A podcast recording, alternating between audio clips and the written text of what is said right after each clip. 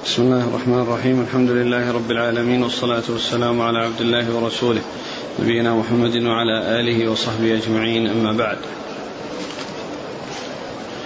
يقول أمير المؤمنين في الحديث أبو عبد الله محمد بن إسماعيل البخاري رحمه الله تعالى يقول في كتابه الجامع الصحيح باب فضل صلاة الجماعة. وكان الأسود إذا فاتته الجماعة ذهب إلى مسجد آخر. وجاء أنس رضي الله عنه إلى مسجد قد صلي فيه فأذن وأقام وصلى جماعة. قال حدثنا عبد الله بن يوسف قال أخبرنا مالك عن نافع عن عبد الله بن عمر رضي الله عنهما أن رسول الله صلى الله عليه وعلى آله وسلم قال صلاة الجماعة تفضل صلاة الفذ بسبع وعشرين درجة. بسم الله الرحمن الرحيم الحمد لله رب العالمين وصلى الله وسلم وبارك على عبده ورسوله نبينا محمد وعلى آله وأصحابه أجمعين. أما بعد يقول الإمام البخاري رحمه الله باب فضل صلاة الجماعة. في الترجمة السابقة قال باب وجوب صلاة الجماعة وأورد فيه الحديث حديث أبي هريرة في هم الرسول عليه الصلاة والسلام بتحريق من يتخلف عن صلاة الجماعة في الوقت الذي الناس يصلون فيه الجماعة وأورد فيه أثر الحسن أن أن أن الرجل لو أو الرجل لو أمرته أمه بأن لا يصلي العشاء في المسجد شفقة عليه فإنه لا يطيعها ولا يستجيب لها لأن الذهاب إلى المسجد واجب وحضور الجماعة واجب ولا طاعة لمخلوق في معصية الخالق. ثم ذكر هذا الحديث هذا هذه الترجمة باب فضل صلاة الجماعة. يعني بعد أن ذكر وجوبها ذكر ما يتعلق فيها من الفضل وأن الأجر فيها عظيم وأن الصلاة فيها تضاعف وأن من صلى وأورد الحديث أن من صلى صلاة صلى فذا فإن صلاة الجماعة تفضله بخمس وعشرين جزءا خمسة وعشرين جزءا وجاء في حديث آخر سبع وعشرين درجة. وهذا يدل على فضل آه، صلاة الجماعة. ويدل على أن الإنسان لو صلى وحده فإن صلاته صحيحة ولكنه آثم لكونه ترك أمرا واجبا عليه. ترك أمرا واجبا عليه. ولهذا فإن القول بوجوب صلاة الجماعة وتأثيم من يتخلف عنها هذا هو الذي دلت عليه الأدلة والحديث الذي معنا في فضلها يدل على أن الصلاة صحيحة أن صلاته صحيحة لو صلى فذا ولكنه آثم لكونه ترك أمرا واجبا عليه ألا هو ألا وهو الإتيان بها جماعة. وهذا من جنس المحرم بالنسبة للمرأة في الحج فإنها لو حجت بدون محرم فإن حجها صحيح ولكنها آثمة لكونها لكونها لم تأتي لم يكن معها محرم.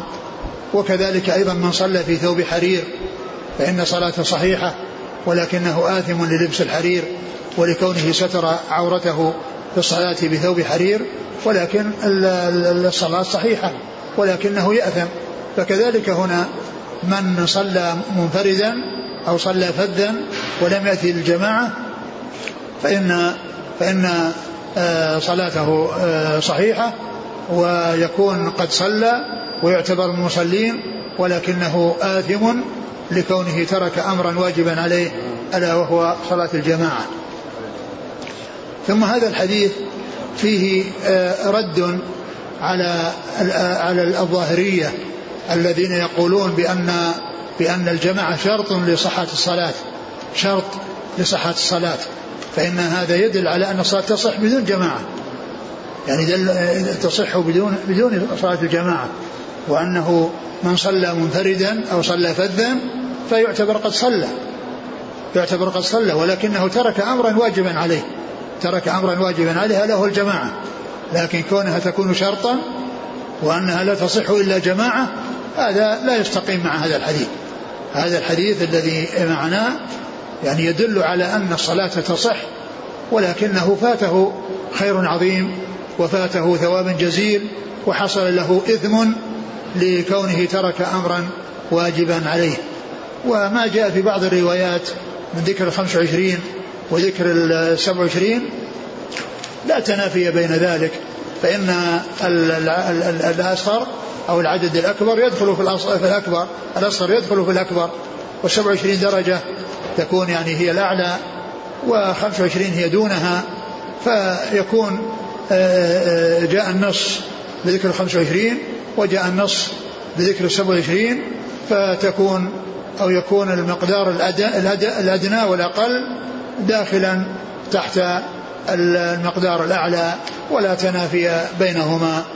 وهذا من أحسن ما قيل في التوفيق بينهما وقد قيل في ذلك أقوال أخرى. فيما يتعلق بالخمس وعشرين والسبع وعشرين ولكن آه، كونه آه، كون أن هذا جاء باعتبار عدد وهذا باعتبار عدد فإن الأصغر يكون داخلا في الأكبر. والحاصل أن الحديث واضح في فضل صلاة الجماعة وأن من لم يصلي الصلاة صلاة الجماعة فإنه يفوته هذا الأجر العظيم وفي نفس الوقت يحصل إثما لكونه ترك أمرا واجبا عليه. وقد ذكر قبل هذا الحديث أثرا عن عن الأسود. وكان الأسود إذا فاتته الجماعة ذهب إلى مسجد آخر. وكان الأسود بن يزيد النخعي إذا فاتته الجماعة بحث أو ذهب إلى مسجد آخر. وهذا يعني يعني إنما فعل هذا لأن فيه فضل. لأن الجماعة فيها فضل يعني إنما فعل ذلك بكونه لم يصلي وحده وقد فات الجماعة يبحث لمسجد آخر يصلي فيه لم يصلوا أو, أو, أو أنهم يتأخرون في الصلاة فيروح يصلي معهم ويدرك الصلاة معهم يعني ما ذاك إلا لفضيلة الجماعة. يعني ما فعل هذا الأسود إلا لفضيلة الجماعة وإلا فإنه يصلي وحده. لكن آه لكون الجماعة لها فضل ولها يعني ميزة وصاحبها يحصل أجرا عظيما. من أجل ذلك كان يفعل هذا الفعل وهذا دال على فضل على فضل الجماعة. وكذلك أنس بن مالك رضي الله عنه كان إذا صلي يعني في مسجد ووجد الجماعة قد صلوا فإنه يصلي جماعة يصلي جماعة بأذان وإقامة. وهذا يدل على فضل على فضل الجماعة. وأنها لا تترك وأن من فاتته الصلاة أو من فاتتهم الصلاة أن لهم أن يجمعوا. وليس ولا يقال أن يعني أن من فاتتهم الجماعة كل يصلي وحده أو يذهب إلى بيته ويصلي وحده لأن هذا الذي جاء عن عن عن عن, آه، عن أنس رضي الله عنه صاحب رسول الله صلى الله عليه وسلم يدل على هذا.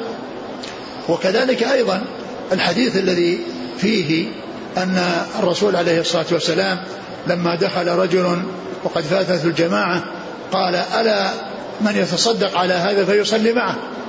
فإذا كان الرسول صلى الله عليه وسلم أراد أن توجد الجماعة بعد الجماعة الأولى عن طريق الصدقة فكذلك من باب أولى إذا لم يحتاج إلى الصدقة إذا جاء واحد نبحث عن واحد صدق عليه وإذا جاء اثنين نقول لا كل واحد يروح يصلي في بيته أو كل واحد يصلي على حدة. يعني هذا فعل أنس رضي الله عنه وكذلك ما جاء عن رسول الله صلى الله عليه وسلم في حديث الرجل الذي آه الذي آه آه آه الذي آه فاتته الصلاة وقال النبي صلى الله عليه وسلم ألا من يتصدق على هذا فيصلي معه. كل هذا يدلنا على آه، فضل الجماعة والحرص على الجماعة. ومن المعلوم أن أن أن الجماعة تتفاوت. لا يقال أن الجماعة الثانية مثل الجماعة الأولى. لا يقال أن الجماعة الثانية مثل الجماعة الأولى. بينهما فرق. كما أن الصف الأول يختلف عن الثاني وأوائل الصفوف تختلف عن أواخر الصفوف مع أن الكل يعني حصل منهم صلاة الجماعة وحصلت منهم الصلاة إلا أنهم متفاوتون الذي جاء مبكرا وأدرك الصف الأول لا شك أن له ميزة على غيره. لأنه حصل منه التبكير وهو في صلاة ما دام ينتظر الصلاة بخلاف الذي جاء متأخرا فإنه فاته ذلك الأجر العظيم والثواب الجزيل الذي حصل عليه من سبق إلى المسجد ومن سارع إلى الإتيان إلى المسجد. نعم. قال حدثنا عبد الله بن يوسف. آه، أثر أثر الحسن الذي ذكره المصنف. أثر. آه، الحسن الذي ذكر في الباب السابق. آه، يعني ذكر الحافظ بن حجر أنه وجده بلفظ يعني أتم وأوضح في يعني بيان وجوب صلاة الجماعة على الأعيان وأنه وأنها ليست على الكفاية. والبخاري رحمه الله من عادته أنه آه، إذا أورد الآثار بعد الترجمة فإنه يختار أو يدل على اختياره ويبين أن الاختيار عنده أن صلاة الجماعة واجبة على الأعيان وليس الوجوب الكفائي. شوف الأثر الذي نقله. لأنه فصل فيه بين صوم التطوع وبين صلاة الجماعة. يقول باب وجوب صلاة الجماعة هكذا بت الحكم في هذه المسألة وكأن ذلك لقوة دليلها عنده. لكن أطلق الوجوب وهو أعم من كونه وجوب عين أو كفاية. إلا أن الأثر الذي ذكره عن الحسن يشعر بكونه يريد أنه وجوب عين.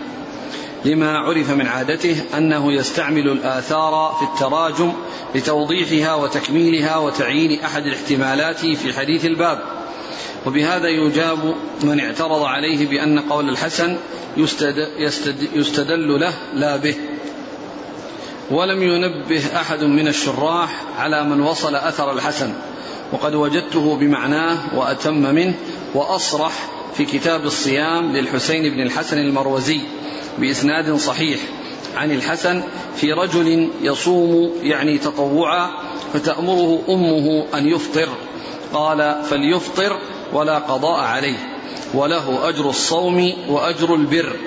قيل فتنهاه أن يصلي العشاء في جماعة.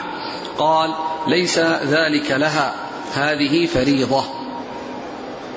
يعني فريضة يعني أنه وجوب عيني وجوب عيني. يعني معناه أنه يجب عليه أن يذهب بشخصه. ولا يكفي أن الناس يصلون جماعة فمن قام به سقط عن الباقين كما هو الشأن في فروض الكفايات. فإن هذا من فروض الأعيان. فإن هذا من فروض الأعيان. وقد جاءت الأدلة الكثيرة في الدلالة على الوجوب العيني كما جاء في قصة الأعمى كما جاء في الأحاديث الكثيرة المتنوعة المتعددة الدالة على أنها من صفات المنافقين. تخلف عنها من صفات المنافقين. أثقل الصلاة على المنافقين صلاة العشاء وصلاة الفجر. وليعلمون ما فيه من أجر إذا أتوهم ولو حبوة.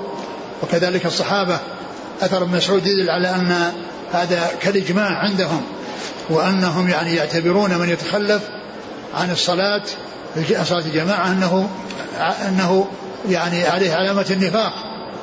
حيث قال ولقد رأيتنا. وما يتخلف عنها إلا منافق معلوم النفاق. ويقول ابن عمر كنا إذا فقدنا الرجل في صلاة العشاء أسأنا به الظن. يعني اتهمناه بالنفاق. نعم. وجاء في بعض الأحاديث أنه, أنه في أن الرسول صلى الله عليه وسلم بعدما صلى الفجر قال أشاهد فلان أشاهد فلان أشاهد فلان. ثم قال يعني أن, أن, أن يعني أن, أن, أن, أن التخلف عن صلاة الجماعة أنه من علامة المنافقين. نعم. قال حدثنا عبد الله بن يوسف نعم. عن مالك عن نافع عن عبد الله بن عمر. نعم. قال في سقط في السلطانية ذكر له حديث في الحاشية. قال حدثنا عبد الله بن يوسف قال أخبرنا الليث. قال حدثني ابن الهاد عن عبد الله بن خباب عن أبي سعيد الخدري رضي الله عنه أنه سمع النبي صلى الله عليه وسلم يقول صلاة الجماعة تفضل صلاة الفذ بخمس وعشرين درجة. وهذا مثل الذي قبله إلا أنه عبر بدرجة. وهذا يدل على أنه لا فرق بين التعبير بالدرجة والتعبير بالجزء. يعني هناك حديث ابن عمر آه، درجة وهذا جزء وفي نعم. نعم. درجة. وكذلك جاء في حديث آخر لكن ذاك 27 27 درجة. هذا 25 وهذا 25 فكونه 25 درجة و25 جزء يدل على أن أن الجزء والدرجة بمعنى واحد. نعم. قال حدثنا عبد الله بن يوسف عن الليث عن ابن الهاد. عبد الله بن يزيد. يزيد, يزيد بن يزيد بن عبد الله بن الهاد نعم. عن عبد الله بن خباب نعم. عن أبي سعيد الخدري. نعم. قال حدثنا موسى بن إسماعيل قال حدثنا عبد الواحد قال حدثنا الأعمش قال سمعت أبا صالح يقول سمعت أبا هريرة رضي الله عنه يقول قال رسول الله صلى الله عليه وسلم صلاة الرجل في الجماعة تضعف على صلاته في بيته وفي سوقه خمسا وعشرين ضعفا. وذلك أنه إذا توضأ فأحسن الوضوء ثم خرج إلى المسجد لا يخرجه إلا الصلاة لم يخط خطوة إلا رفعت له بها درجة وحط عنه بها خطيئة. فإذا صلى لم تزل الملائكة تصلي عليه ما دام في مصلاه. اللهم صل عليه اللهم ارحمه ولا يزال أحدكم في صلاة ما انتظر الصلاة. ثم ذكر حديث أبي هريرة رضي الله عنه وأنها وأن الصلاة وأن تضعف في الجماعة آه، خمسة وعشرين خمسة وعشرين ضعفا. قال تضع صلاة صلاة الرجل في الجماعة تضعف على صلاته في بيته وفي سوقه خمسا وعشرين ضعفا. نعم خمسا وعشرين ضعفا. يعني على بيت صلاته في بيته وفي سوقه. يعني لو أنه إنسان صلى في بيته أو صلى في سوقه يعني في دكانه أو في يعني مكان يعني المكان الذي يعني آه، مكان في السوق آه، آه، بهذا المقدار الذي هو الذي هو 25 ضعفا. ثم ذكر يعني وجه أو من وجوه كونه يحصل له التضعيف ويحصل له الأجر وهو كونه إذا جاء من بيته متطهرا يريد الصلاة فإنه يرفع له بكل خطوة درجة ويحط عنه بها خطيئة وهو في صلاة ما انتظر الصلاة وإذا صلى وجلس في مصلاه فإن الملائكة تصلي عليه وتدعو له وتقول ما دام يعني ما دام يعني ما دام في الصلاة ما دام فإنه في صلاة ما انتظر الصلاة و فإنه في صلاة يعني في حكم من يصلي من حيث الأجر ما لم يحصل منه آه، حدث أو آه، أو إيذاء لأحد من الناس. نعم.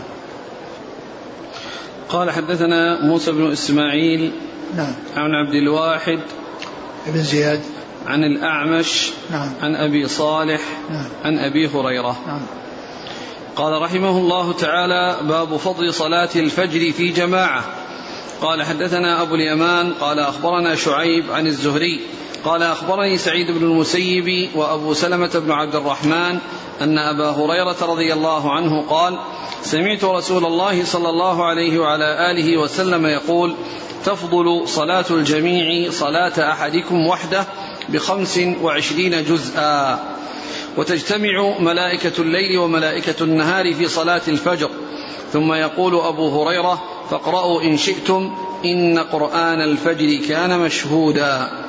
قال شعيب وحدثني نافع عن عبد الله بن عمر رضي الله عنهما أنه قال تفضلها بسبع وعشرين درجة. ثم ذكر باب فضل صلاة الفجر في جماعة. في جماعة.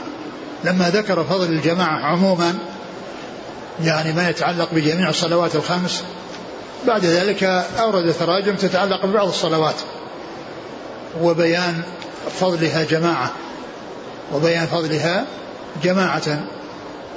فذكر يعني هذا الحديث عن أبي هريرة أن النبي صلى الله عليه وسلم قال تفضل صلاة الجماعة صلاة الجميع صلاة الفذ بخمسة وعشرين جزءا وقال يتعاقبون فيكم ملائكة بالليل وملائكة بالنهار ويجتمعون في صلاة الصبح. وقد جاء في بعض الروايات الصبح والعصر أنهم يجتمعون في صلاة الصبح والعصر. فكون الملائكة تجتمع في هذه الصلاة و يعني الملائكة التي تنزل والملائكة التي تصعد يلتقون يعني يدل على فضيلة هذه الصلاة. يدل على فضيلة الصلاة. وكذلك أيضا مثلها صلاة العصر. لأن الحديث سبق أن مر بنا وأنهم يجتمعون في صلاة العصر صلاة الصبح وصلاة العصر وأنهما آه، الصلاتان اللتان قبل طلوع الشمس وقبل غروبهما قبل غروبها وقد مر بنا أن أن أن الله عز وجل يرى يوم القيامة ويرى في الجنة كما يرى الناس البدر ليلة القمر ليلة البدر لا يضامون في رؤيته.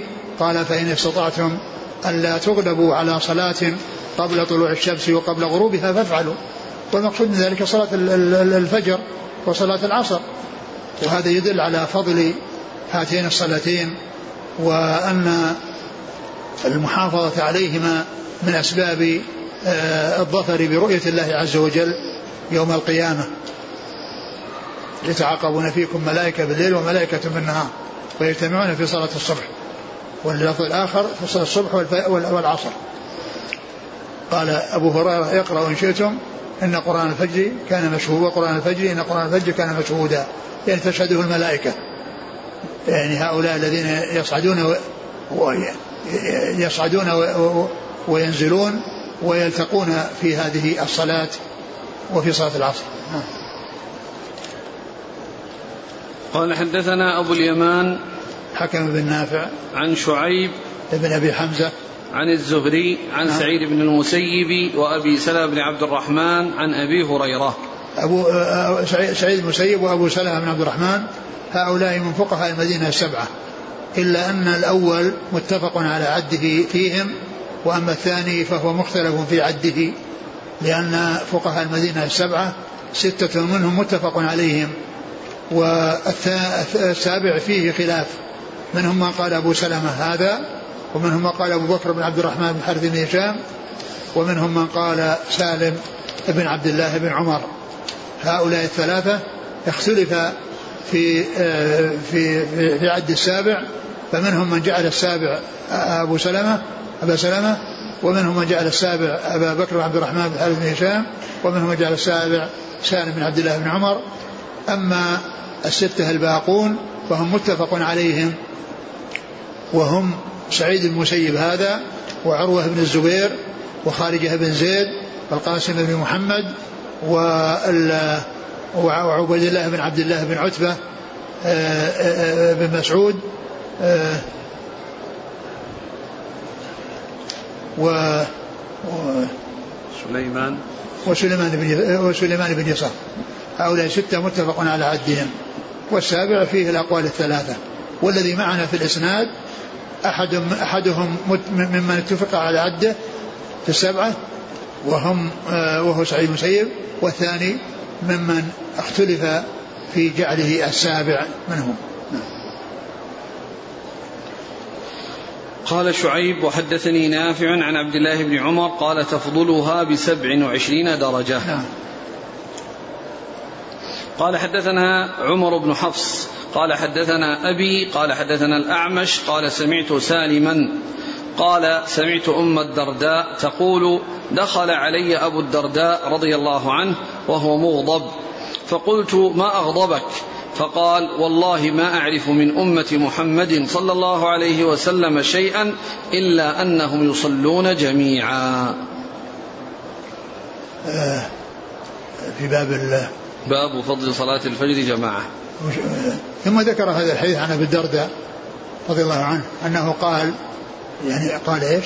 دخل, دخل أبو الدرداء على أم الدرداء وهو مغضب نعم فقالت ما أغضبك؟ فقال والله ما أعرف من أمة محمد صلى الله عليه وسلم شيئا إلا أنهم يصلون جميعا. ذكر دخل على أم الدرداء مغضبا وقال ان ما أغضبت قال إني ما أعرف عن أمة محمد صلى الله عليه وسلم إلا أنهم كانوا يصلون جميعا. وهذا يدل على فضل صلاة الجماعة يعني صلاة الجماعة عموما تدخل فيها الفجر وتدخل فيها صلاة الفجر ووجه اختصاصه بصلاة الفجر.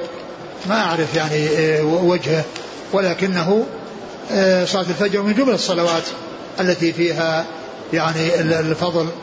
نعم. قال حدثنا عمر بن حفص نعم. عن أبيه. نعم. حفص بن غياث نعم. عن الأعمش عن سالم عن أم الدرداء. نعم. سالم نعم سالم سالم بن من أبي الجعد. سالم بن أبي الجعد. وأم الدرداء هذه هي التابعية يعني هجيمة وهي التي لها رواية. وأما الصحابية التي هي خيرة فهذه ليس لها رواية. يعني فيهم الدردة الكبرى وأم الدردة الصغرى. فالذي يأتي ذكرها في الأحاديث هي الصغرى التي هي هجيمة وهي تابعية. وأما أم الدرداء الكبرى فهي خيرة وليس لها رواية. فكل ما يأتي في الأسانيد عن أم الدرداء فإنه يراد بها التابعية أم الدرداء الصغرى. نعم. عن أبي الدرداء. نعم. وهو عويمر. بن زيد. نعم. قال رحمه الله تعالى حدثنا محمد بن العلاء قال حدثنا أبو أسامة عن بريد بن عبد الله عن أبي بردة عن أبي موسى رضي الله عنه أنه قال قال النبي صلى الله عليه وعلى آله وسلم أعظم الناس أجرا في الصلاة أبعدهم فأبعدهم ممشى. والذي ينتظر الصلاة حتى يصليها مع الإمام أعظم أجرا من الذي يصلي ثم ينام. والذي والذي؟ والذي ينتظر الصلاة حتى يصليها مع الإمام أعظم أجرا من الذي يصلي ثم ينام. آه ثم ذكر هذا الحديث عن أبي موسى الأشعري رضي الله عنه أن النبي صلى الله, صلى الله عليه وسلم قال أبعد أفضل. أعظم الناس أجرا في الصلاة أبعدهم فأبعدهم ممشى. أعظم الناس أجرا في الصلاة أي في صلاة الجماعة أبعدهم فأبعدهم ممشى. لأن الإنسان كلما طالت المسافة وهو يمشي ذاهب إلى المسجد كل خطوة يرفع الله بها درجة ويحط عنه بها خطيئة بعدد الخطوات. يعني قصرت المسافة أو قلت وهذا يدل على على فضل على فضل صلاة الجماعة عموما وليس خاصا بصلاة الفجر. والفجر داخلة في في في عموم الصلوات ولا سيما يعني كون الفجر يؤتى إليها بالظلام وفي ذلك زيادة مشقة وكذلك أيضا كونها يعني في وقت النوم الذي يطيب فيه الفراش فإن في ذلك أيضا يعني آآ آآ آآ عمل عظيم الإنسان آثر فيه ما يكون فيه سعادة في الآخرة على ما فيه لذته وراحته وطمأنينته في الدنيا وهي في كونه يتلذذ في النوم. فكونها تكون في الظلام وكونها تكون يعني أيضا في وقت الاستغراق في النوم والتمكن من النوم لا شك أن هذا فيه زيادة فضل وزيادة ثواب ولكن آه الأجر الذي يحصل بالنسبة للممشى وكثرة طول الممشى يحصل لجميع الصلوات. اللهم إلا أن تكون الفجر لها ميزة على غيرها فيما فيها من الشدة وما فيها من الظلام وأن الإنسان آه، آه، بفعله ذلك يعني يكون له زيادة أجر. وقد جاء في بعض الأحاديث بشر النشائين بالظلم من المساجد بالنور التام يوم القيامة. نعم. والذي ينتظر الصلاة حتى يصليها مع الإمام أعظم أجرا من الذي يصلي ثم ينام. والذي ينتظر الصلاة حتى يصليها مع الإمام أعظم أجرا من الذي يصلي ثم ينام. يعني الذي يصلي ثم ينام ولا يأتي للجماعة و يعني ولا ينتظر الصلاة فإن هذا الذي آه، جاء للمسجد آه، وهذا مثل الحديث الذي سبق أنه تقدم الذي تقدم أن صلاة الجماعة آه، تفضل ب 25 جوة وذلك أنه إذا خرج من بيته فإنه يرفع له بكل خطوة درجة ويحط عنه خطيئة ولا يزال في صلاة ما انتظر الصلاة. يعني خير من الذي يعني يصليها ثم ينام ويفوته هذا الأجر العظيم الذي فيه الاتيان للمساجد وتحصيل آه، آه، هذه المضاعفة التي جاءت في عدد من الأحاديث عن رسول الله صلى الله عليه وسلم. قال حدثنا محمد بن العلاء. أبو كريب. عن أبي أسامة حماد بن أسامة عن بريد بن عبد الله بن أبي بردة. عن أبي بردة نعم. عن أبي موسى. نعم يعني أبو ريد يروي عن جده وأبو بردة يروي عن أبيه. ففيه رواية حفيد عن جد ورواية ابن عن أب. قال رحمه الله تعالى هذا كذلك الآن باب فضل صلاة الفجر في جماعة. الباب الثاني؟ الأخير هذا. ها. كذلك. نعم. ما في نسخ ما في شيء يعني الأحاديث كأن فيها نعم. أقول ظاهر الحديث. ظاهر الحديث أنه يعني آه، عام وليس خاصا بصلاة الفجر. كما قلت اللهم إلا أن يكون الفجر ميزة على غيرها بكونها تكون في الظلام. وفي آه، آه، وقت الراحة والرغبة في النوم. ولهذا يقال في أذان الصبح الصلاة خير من النوم. يعني هذا الذي تدعون إليه وهو الصلاة خير مما أنتم متلذذون فيه وهو النوم. كلام الحافظ على وجه دخول أثر أبي الدرداء. تحت الترجمة. ما رأيكم؟ ويش؟ أثر أبي الدرداء اللي راح؟ إيه. وش يقول؟ ما أعرفه من أمتي يقول ولم أرى أحدا من الشراح نبه على مناسبة حديث أبي الدرداء للترجمة إلا الزين بن المنير. فإنه قال تدخل صلاة الفجر في قوله يصلون جميعا وهي أخص بذلك من باقي الصلوات. أخص جميع الصلوات أخص بذلك من باقي الصلوات. بس ما في هنا غير هذا؟ هذا كلام ابن المنير. إيه ما, وذكر, ما علق عليه وش علق وذكر ابن رشيد نحوه. وزاد أن استشهاد أبي هريرة في الحديث الأول بقوله تعالى إن قرآن الفجر كان مشهودا يشير إلى أن الاهتمام بها آكد. هذاك يعني فيه تعاقب الملائكة. مشهودة تشهدها الملائكة.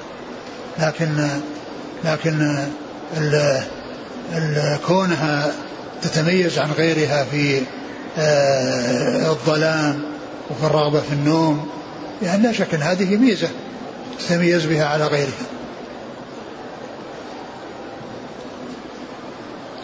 يقول وأقول تفنن المصنف بإيراد الأحاديث الثلاثة في الباب إذ تؤخذ المناسبة من حديث أبي هريرة بطريق الخصوص.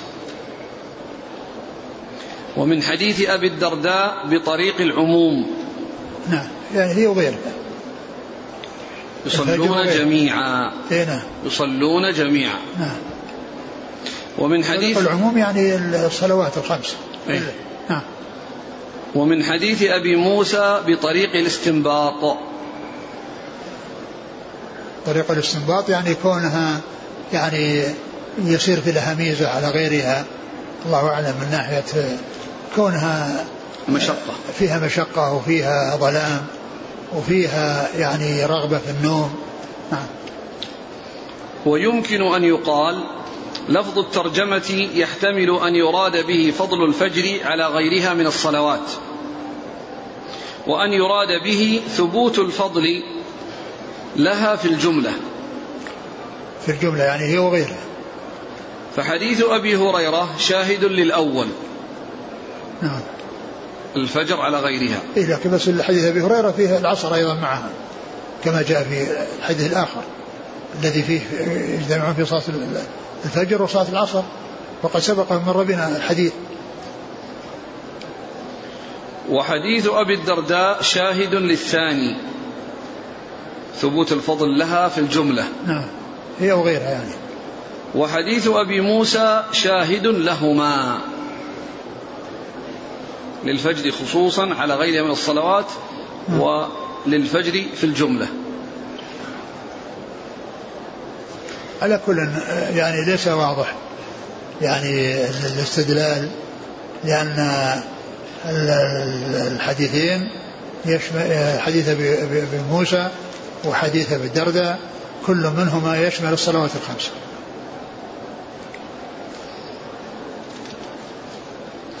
قال رحمه الله تعالى باب فضل التهجير إلى الظهر.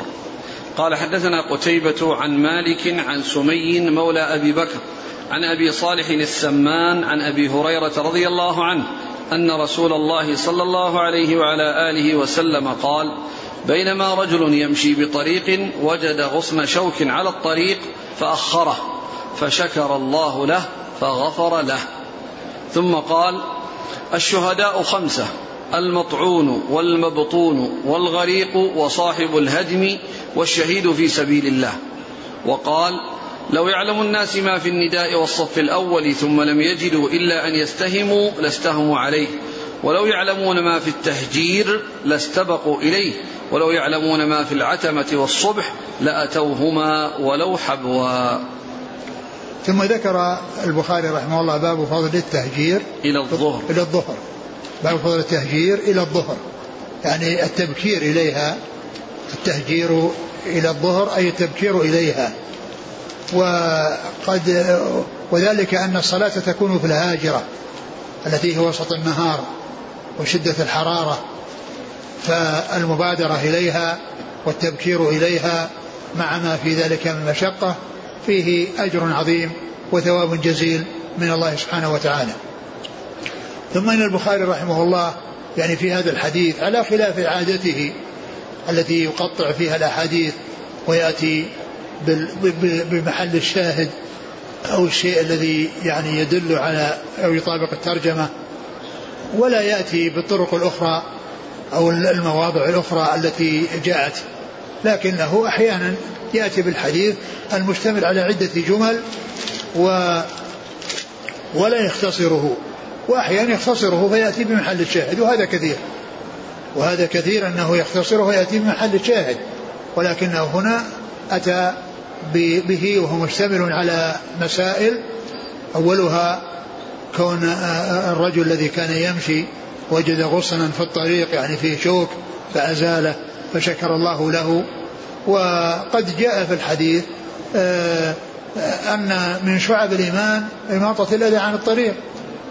الإمام بضع وستون شعبة فأعلاها قول لا إله إلا الله وأدناها إماطة الأذى عن الطريق والحياء شعبة من الإيمان. والثاني؟ قال الشهداء خمسة. والشهداء خمسة.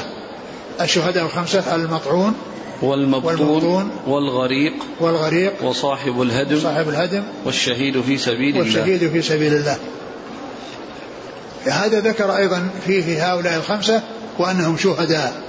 وفيهم شهيد المعركة الذي هو الشهيد في سبيل الله والشهداء الباقون ليسوا شهداء معركة ولكنهم آآ آآ يحصلون أجر الشهداء من حيث الثواب ولكنهم لا يعاملون معاملة الشهداء في المعركة لأن الشهداء في المعركة لا يغسلون ويدفنون في دمائهم وثيابهم وأما الشهداء الآخرون فإنهم يغسلون ويصلى عليهم ولكنهم يحصلون أجر الشهداء أو يؤجرون أجر الشهداء ولهذا النووي رحمه الله عقد في كتابه رياض الصالحين بابا فقال باب ذكر جماعة من الشهداء في ثواب الآخرة ويغسلون ويصلى عليهم. باب ذكر جماعة من الشهداء في ثواب الآخرة ويغسلون ويصلى عليهم. يعني أنهم شهداء في الثواب لا أنهم شهداء يعني يعاملون معاملة الشهداء فلا يغسلون ولا يصلى عليهم بل هؤلاء يغسلون ويصلى عليهم ولكنهم يؤجرون أجر الشهداء ويحصلون على أجر الشهداء المطعون هو الذي مات بالطاعون وأصابه الطاعون والمبطون الذي هو داء البطن والغريق الذي مات في الغرق وصاحب الهدم الذي يعني حصل أو مات بسبب انهدام بيت عليه أو يعني بسبب انهدام انهدام بيت أو بنيان. والشهيد في سبيل الله وهذا هو خير الشهداء الذي هو الأصل في الشهادة والذي غيره يلحق به من حيث الأجر.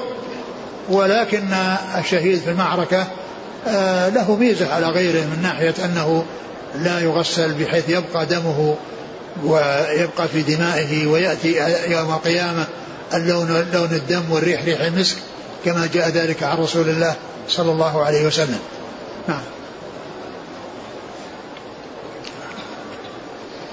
ثم قال وقال لو يعلم الناس لو يعلم الناس ما في النداء والصف الأول ثم لم يجدوا إلا أن يستهموا لاستهموا عليه. ثم ذكر هذا هذا أيضا هذه الجملة وقد سبق أن مرت لو يعلم الناس ما في النداء والصف الأول ثم لم يجدوا إلا أن يستهموا عليه لاستهموا عليه. وهذا مر بالإستهام في الأذان مر في باب الاستهام في الأذان. و وعرفنا أن هذا فيما إذا تساووا إذا تساووا أما إذا كان أحد له ميزة على غيره يعني فيما يتعلق بالأذان ومناسبة الفائدة في الإفادة منه فيما يتعلق بالأذان فإنه يقدم على غيره. وإنما الإقراع يكون عند التساوي. نعم. بعده. ولو يعلمون ما في التهجير لاستبقوا إليه. وهذا محل الشاهد من إيراد الحديث. ولا يعلمون ما في التهجير إلا سبقوا إليه. يعني التهجير يعني تبكير لصلاة الظهر. وقيل إن التهجير يطلق على التبكير في آه يعني في في في, في, في يعني في في غير الهاجرة. ولكن الهاجرة لا شك أن أنها هي التي أوضح يعني فيما يتعلق آه، بها وبإطلاقها وإلا فإن التهجير يطلق على التبكير مطلقة. نعم. ولو يعلمون ما في العتمة والصبح لأتوهما ولو حبوا ولو يعلمون ما في العتمة والصبح لأتوهما ولو حبوا وهذا يدل على فضل صلاة الصبح وعلى فضل صلاة العشاء. لأن هذا الحديث أو هذه الجملة هي التي تدل على فضل صلاة الصبح وعلى فضيلتها لأن الرسول عليه الصلاة والسلام قال ولو يعلمون ما فيهما من الأجر لأتوهما ولو حبوا. يعني لو يعلم المنافقون الذين يعني يعني يراءون ويصلون يعني يراءون الناس وإنما كانت وقد وقد سبق أن مر أثر الصلاة على المنافقين صلاة العشاء وصلاة الفجر. ولو يعلمون ما فيه من أجر لأتوهما ولا حبوا و آه، وهاتان الصلاتان أثقل من غيرهما لأنهما يكونان في وقت آه، الوقت الذي يكون فيه الظلام يكون فيه ظلام في المسجد وفي الطريق وكانت المساجد ليس فيها مصابيح والطرق كذلك ظلام. فالذي آه، فالمنافقون يعني في النهار يعني حيث يراهم الناس وحيث يراؤون الناس. يعني يظهر يظهرون ويبرزون للناس. وأما في الظلام فإنهم يعني يثقل عليهم ذلك. وأيضا كون العشاء تكون في أول الليل في الوقت الذي بحاجة الناس إلى النوم بعد الكدح والتعب في النهار فإنهم ينامون ويتأخرون عن صلاة العشاء. وكذلك بالنسبة للصبح لأنها في الوقت الذي يطيب فيه الفراش ويتلذذ فيه بالنوم فلهذا كانت هاتين الصلاتين أثقل على المنافقين من غيرهما. ولهذا قال عليه الصلاة والسلام ولو يعلمون ما فيهما من الأجر لأتوهما ولو حبوا. يعني يأتون يحبون على الركب لأنهم لا يستطيعون أن يمشوا على أرجلهم يحبون على أيديهم وركبهم لو كانوا يعلمون ما فيه من أجر. وهذا يدل على فضل هاتين الصلاتين صلاة العشاء وصلاة الفجر. نعم. قال حدثنا قتيبة بن سعيد. عن مالك عن سم قتيبة بن سعيد يعني سواء نسب أو لم ينسب لا إشكال فيه. لأنه لا يوجد في أصحاب الكتب الستة رجل يسمى قتيبة إلا هو. ليس فيه ليس في رجال الكتب الستة من يسمى قتيبة غير قتيبة بن سعيد. فسواء نسب أو لم ينسب لأنه ليس له مشارك في هذه التسمية. وهذا يسمونه يطلقون عليه الأسماء المفردة. الأسماء المفردة. يعني اللي ما تكرر التسمية بها. لأن الأسماء المفردة هي التي لا تتكرر التسمية بها. والأسماء التي تتكرر التسمية بها هذه يعني تكثر الأسماء فيها ولهذا يقولون عليها الجادة.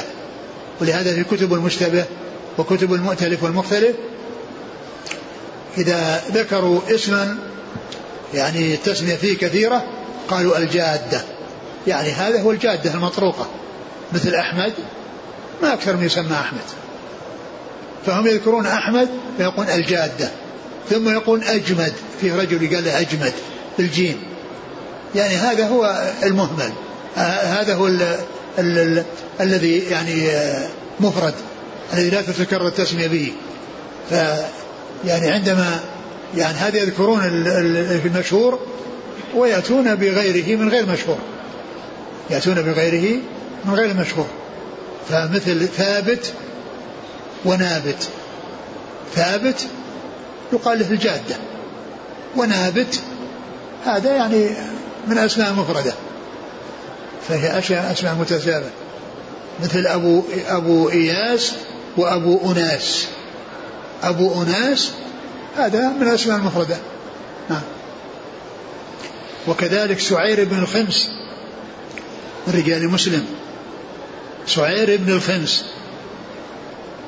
اسمه واسم أبيه من الأسماء المفردة اللي ما تتكرر التسمية بها. سعير بن الخمس وهذا من رجال مسلم.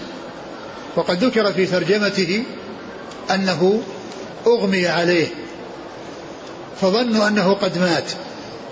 فغسلوه وكفنوه.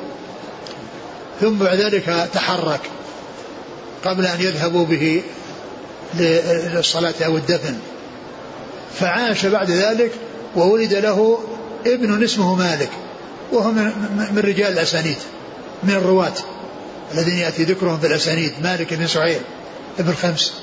يعني كان هذا يعني ولد له بعد هذه الإغماءة التي حصلت له والذي ظن أنه قد مات.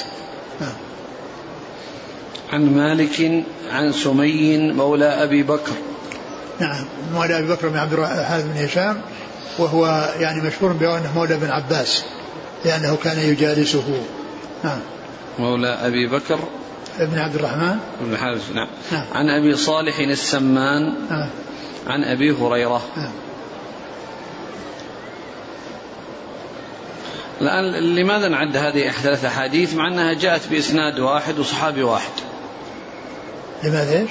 نعدها ثلاث أحاديث. أي.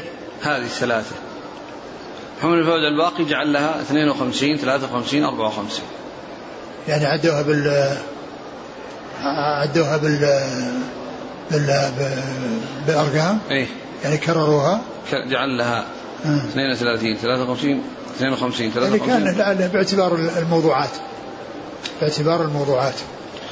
آه، حتى في التحفة كذلك حتى التحفة مفرقة تحفة الأشراف. وش هي؟ تحفة الأشراف. مفرقة؟ مفرقة. إيه. يمكن على اعتبار كل واحد يعني بمثابة حديث مستقل لأن لأنها موضوعاتها مختلفة. نعم قال رحمه الله تعالى باب احتساب الآثار.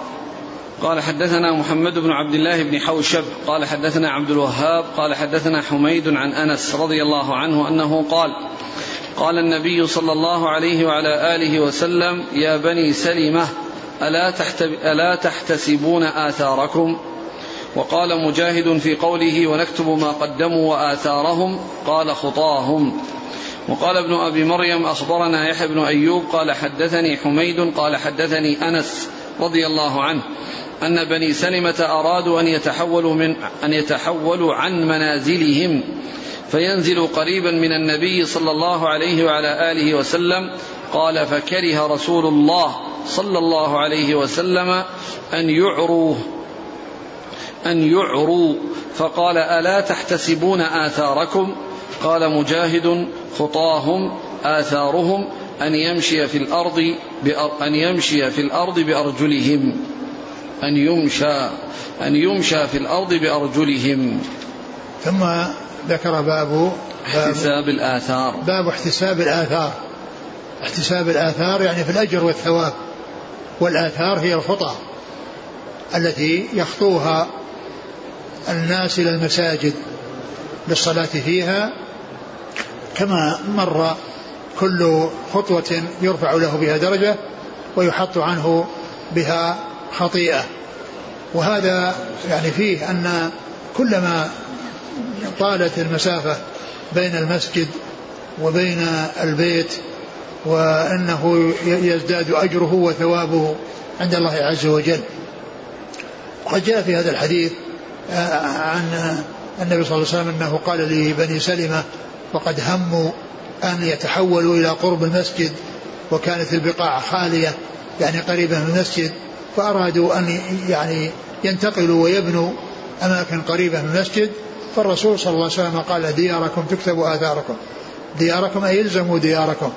تكتب آثاركم يعني خطاكم.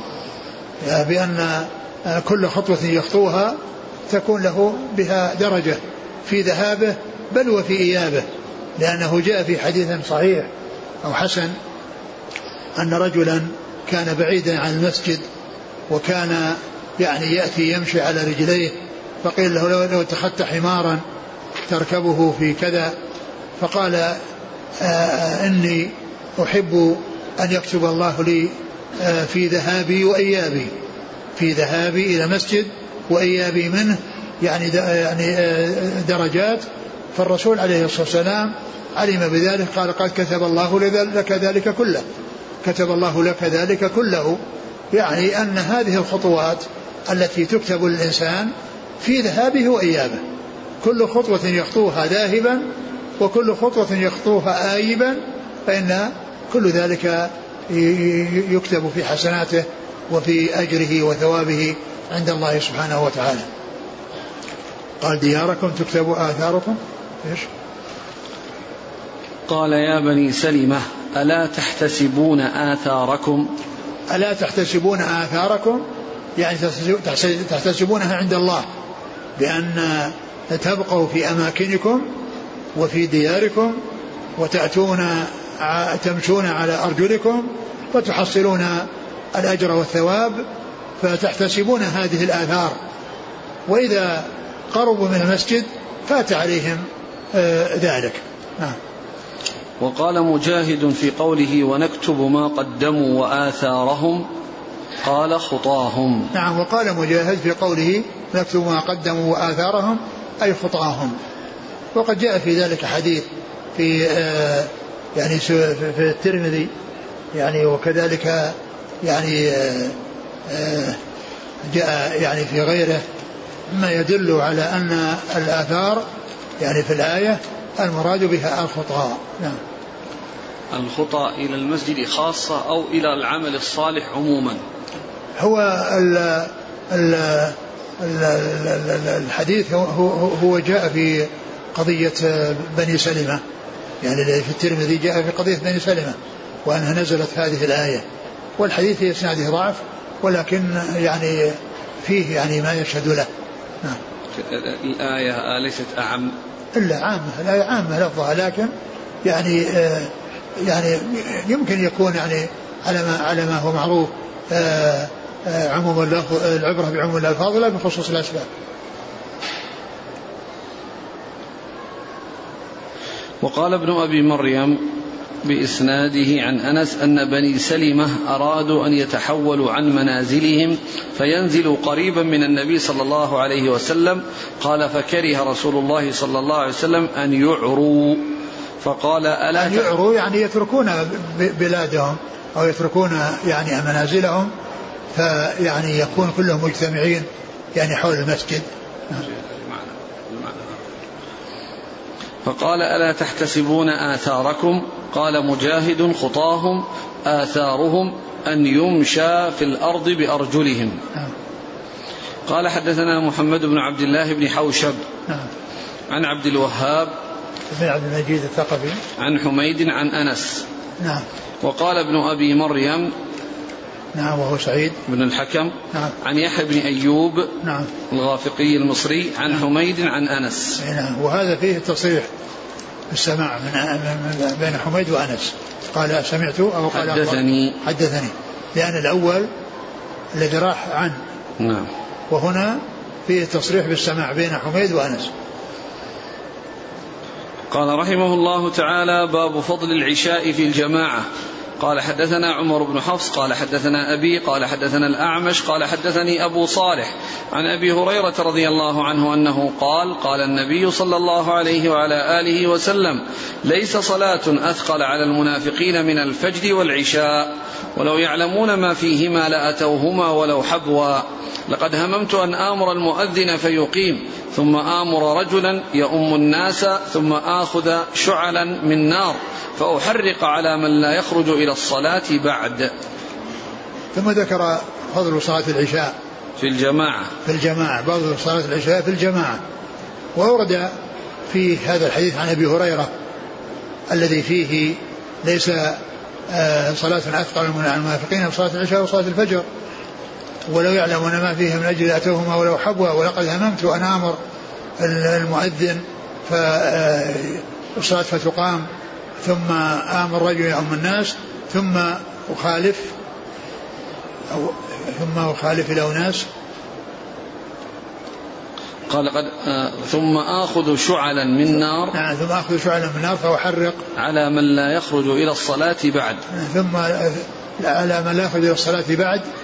يعني في الوقت الذي فيه الناس يصلون يعني يحرقهم لأنه سيجعل من ينوب عنه في الصلاة فيعاقبهم وهم متلبسون بالذنب وهم متلبسون بالذنب الذي هو ترك آه، صلاة الجماعة. وقد عرفنا أن هذا يدل على أن صلاة الجماعة في المساجد أنها واجبة وأنه لا يكفي أن أن يقول أحد أننا نصلي جماعة في البيت وأن إذا كنا في بيت نصلي جماعة لأن الرسول صلى الله عليه وسلم ما ما قال هل يصلون جماعة أو ما يصلون جماعة وإنما أناط الحكم فيما يتعلق بصلاة صلاة المساجد وأنهم يتخلفون عن الصلاة في المساجد. الحاصل أن الحديث فيه ذكر العشاء وصلاة الفجر العشاء والفجر وفضلهما وأن آه، آه، أنهم أن المنافقين لا يعلمون ما فيه من أجر لأتوهما ولو حبوا وقد عرفنا فيما مضى أن العشاء في أول الليل والفجر في آخر الليل وكل منهما في الظلام وكل منهما في الحاجة إلى يعني آه، الراحة والنوم الأول بعد حصول التعب والنصر في النهار والآخر في وقت الاستغراق بالنوم والتلذذ بالنوم. قال حدثنا عمر بن حفص عن أبيه عن الأعمش عن أبي صالح عن أبي هريرة. قال رحمه الله تعالى باب اثنان فما فوقهما جماعة. والله تعالى أعلم وصلى الله وسلم وبارك على عبده ورسوله نبينا محمد وعلى آله وأصحابه أجمعين. جزاكم الله خيرا وبارك الله فيكم. ألهمكم الله الصواب ووفقكم للحق. شافاكم الله وعافاكم. نفعنا الله بما سمعنا وغفر الله لنا ولكم وللمسلمين أجمعين. آمين آمين. مما يدل على فضل صلاة العشاء وصلاة الفجر. الحديث الذي قال فيه النبي صلى الله عليه وسلم من صلى العشاء في جماعة فكأنما قام نصف الليل ومن صلى الفجر في جماعة فكأنما قام الليل كله. يعني أن من قام آه، صلى الفجر في جماعة والعشاء في جماعة كأنما قام الليل كله. يعني نصف يعني بسبب العشاء ونصف بسبب الفجر من من قام آه، صلى العشاء في جماعة فكأنما قام نصف الليل ومن قام وصلى الفجر في جماعة كأنما قام الليل كله يعني أنه حصل له النصف الثاني أنه حصل له النصف الثاني فهذا يدل على فضل هاتين الصلاتين صلاة العشاء وصلاة الفجر. يقول آه، بارك الله فيكم نجد اختلافا بين المتن الذي شرح عليه ابن حجر والمتن الموجود.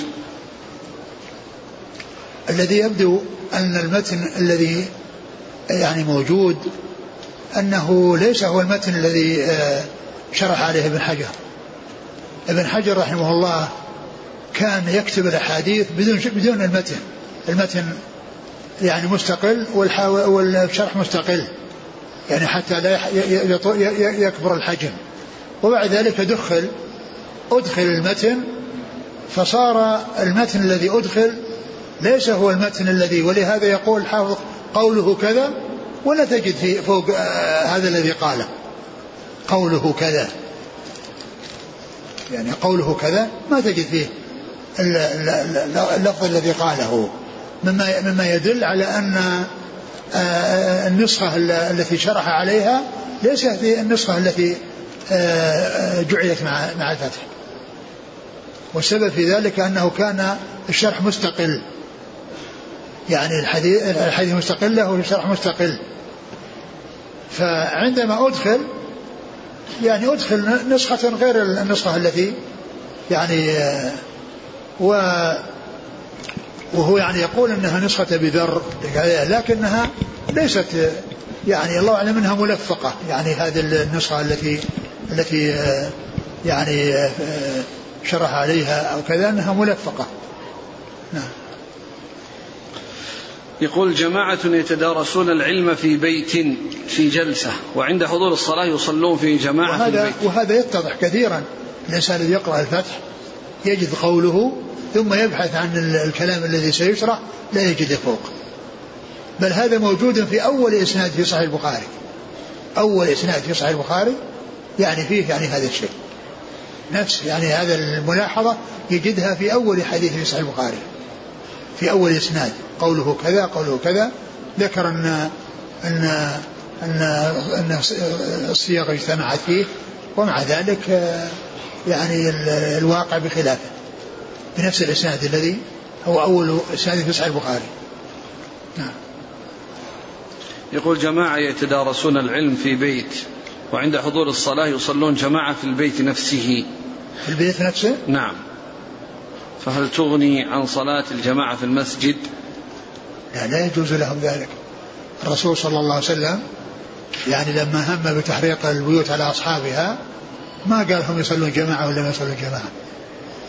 وإنما لكونهم ما صلوا في المسجد وما حضروا الصلاة. فيعني لا يجوز لهم ذلك.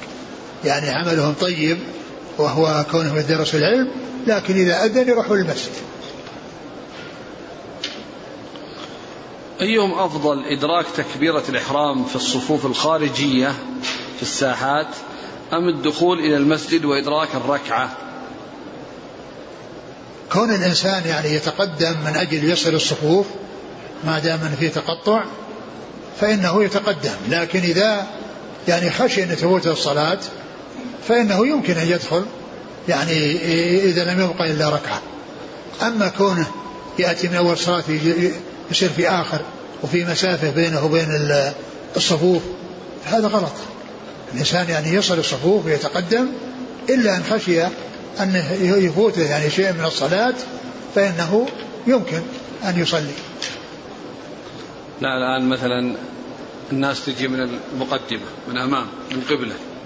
أيوة. يجون يصفون في الصف الخارج من باب السلام في الساحة. ولا يدخلون جوا هنا. لا هو يعني الناس يتقدمون للمكان المبني الذي الناس يصلون فيه. وأما هذا يعني حصل توسعة للحاجة. فإذا كان ليس معنى ذلك أن الناس يروحون يتركون الصفوف التي متصلة والتي وراء الإمام ثم يأتون بصف يعني يمتد إلى الآخر هذا هو هذا للحاجة. عند الحاجة لا بأس.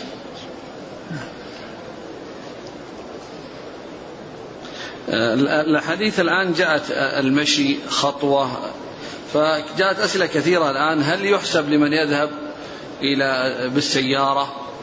تحسب له خطوات تحسب الأجر. إن شاء الله هو مأجور. من يأتي إلى المسجد سواء بالسيارة أو يمشي لكن كما هو معلوم الذي يمشي أعظم أجرا من الذي يعني يركب. وكلهم على خير لكنهم متفاوتون. ومثل ما جاء في الحديث أجرك على قدر نصبك.